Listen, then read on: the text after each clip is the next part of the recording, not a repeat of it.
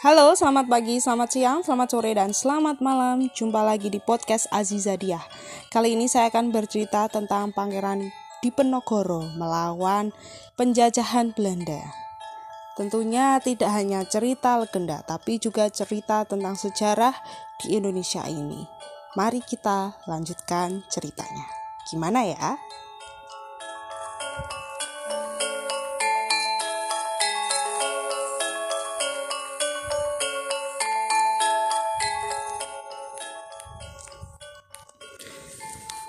Peperangan di tanah Jawa melawan pasukan di Penegoro, tentara Belanda dibuat kerepotan dengan menyusutnya jumlah pasukan. Pasalnya hampir ribuan prajurit Belanda mati karena terserang wabah penyakit.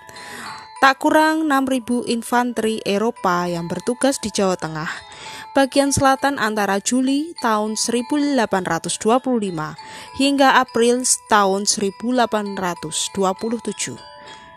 Banyak penjajah Belanda terserang penyakit. Menyusutnya jumlah serdadu Eropa membuat kesulitan bagi komandan tempur Belanda untuk melakukan gerak ofensif yang menentukan.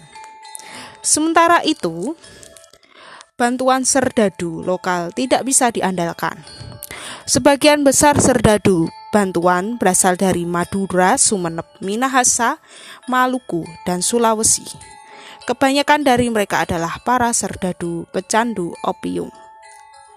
Tuntutan para prajurit lokal ini untuk membawa keluarga ke medan perang sangat mempersulit mobilisasi pasukan gerak Belanda.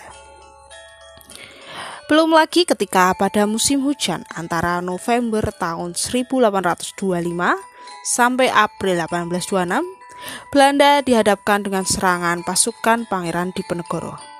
Belum lagi kemahiran perang gerilya yang dilakukan orang Jawa yang ternyata di luar prediksi Belanda. Terlihat latihan militer tentara Eropa yang klasik tidak cocok saat melawan strategi anti gerilya yang sangat bergerak cepat. Di sisi lain, orang Jawa sendiri sangat mahir dan gigih. Berbekal peralatan seadanya, para gerilyawan Jawa terus merepotkan dan membuat letih musuhnya. Bahkan para pejuang gerilya ini hampir tidak memberi kesempatan terjadinya pertempuran biasa.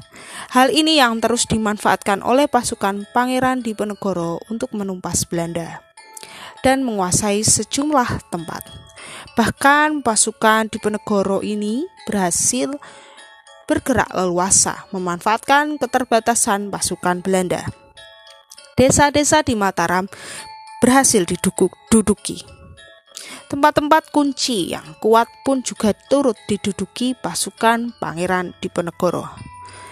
Bangunan di antaranya Keraton Tua Amangkurat satu di Pleret dikuasai oleh Pangeran Diponegoro. Nah, itu dia sedikit cerita dari Pangeran Diponegoro. Jangan lupa selalu dengerin podcast Azizadiah.